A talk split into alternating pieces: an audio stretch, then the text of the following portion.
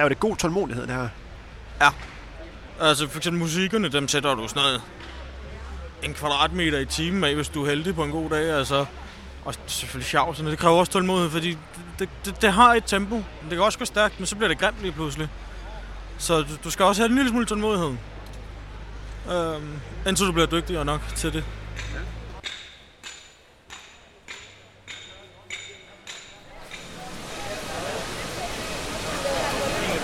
Du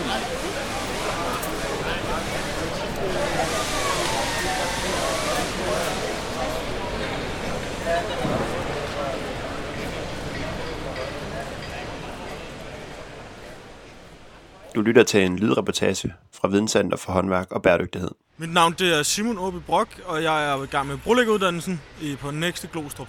Simon er ved at uddanne sig som brolægger og tager sin uddannelse på Next i Glostrup. Jeg er på fjerde hovedforløb ud af fem, så jeg er færdig her til september. Der er jo alt fra øh, brudsten, altså granit, kantsten og sådan noget, til flisearbejde, til du laver flækker fortog. Så det er simpelthen så varieret, det du kan komme ud for at lave. Du laver veje, du laver fortog, du laver indkørsler, haver.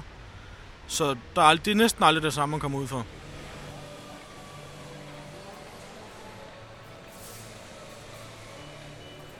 Er det kun granit, man arbejder med? Altså udelukkende granit. Det er jo granitten, vi uddanner os i, så ja. Det er jo ikke fordi, at når vi er inde på skolen, at vi øh, lægger fliser og sådan noget. Vi råder kun med granit, fordi det er det, vores uddannelse går ud på. Så vi får et speciale inden for det. For de anlægsgartnerne for eksempel, de uddanner sig inden for træ, ej, hvad hedder det, plantning af træer og buske og sådan noget. Og så har de betonfliser, granit og så noget, der hedder klinker.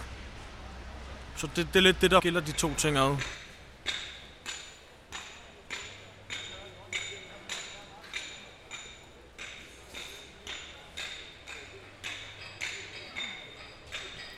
Hvorfor valgte du brolæggeruddannelsen?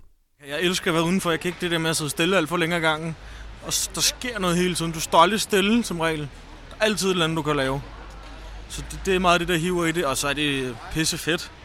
Altså, det, det, det er simpelthen så nicheagtigt, og du skal kigge på tingene, og du skal tilfredsstille dine egne øjne, selvom der måske er nogle forskrifter, der siger noget andet.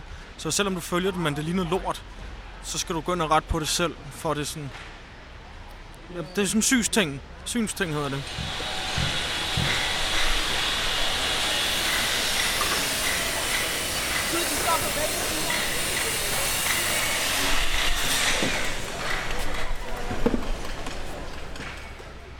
Øh, hvis vi øh, lige kigger på den, det, du har bygget her.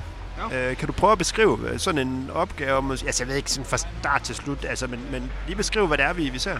Vi ser på en øh, terrasse, hvor der er et bålsted i hjørnet, de får man de kantsten, der står. Og det er så fyldt ud med noget, der hedder musiksten. Det er en bitte små sten.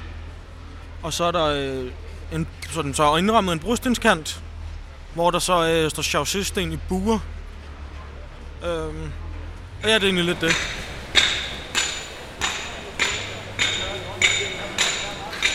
Øh, hvorfor deltager du i Skills? Jeg blev udpeget til det af min lærer, øh, og så kunne jeg jo så sige ja, eller jeg kunne sige nej. Og jeg var sådan, det, går, det vil jeg ikke gå glip af det her, for det lyder som en pissefed, øh, pissefed mulighed at komme med til. Og så er det jo bare mega bladet at kunne sige, at man er blevet Danmarksmester på et eller andet tidspunkt.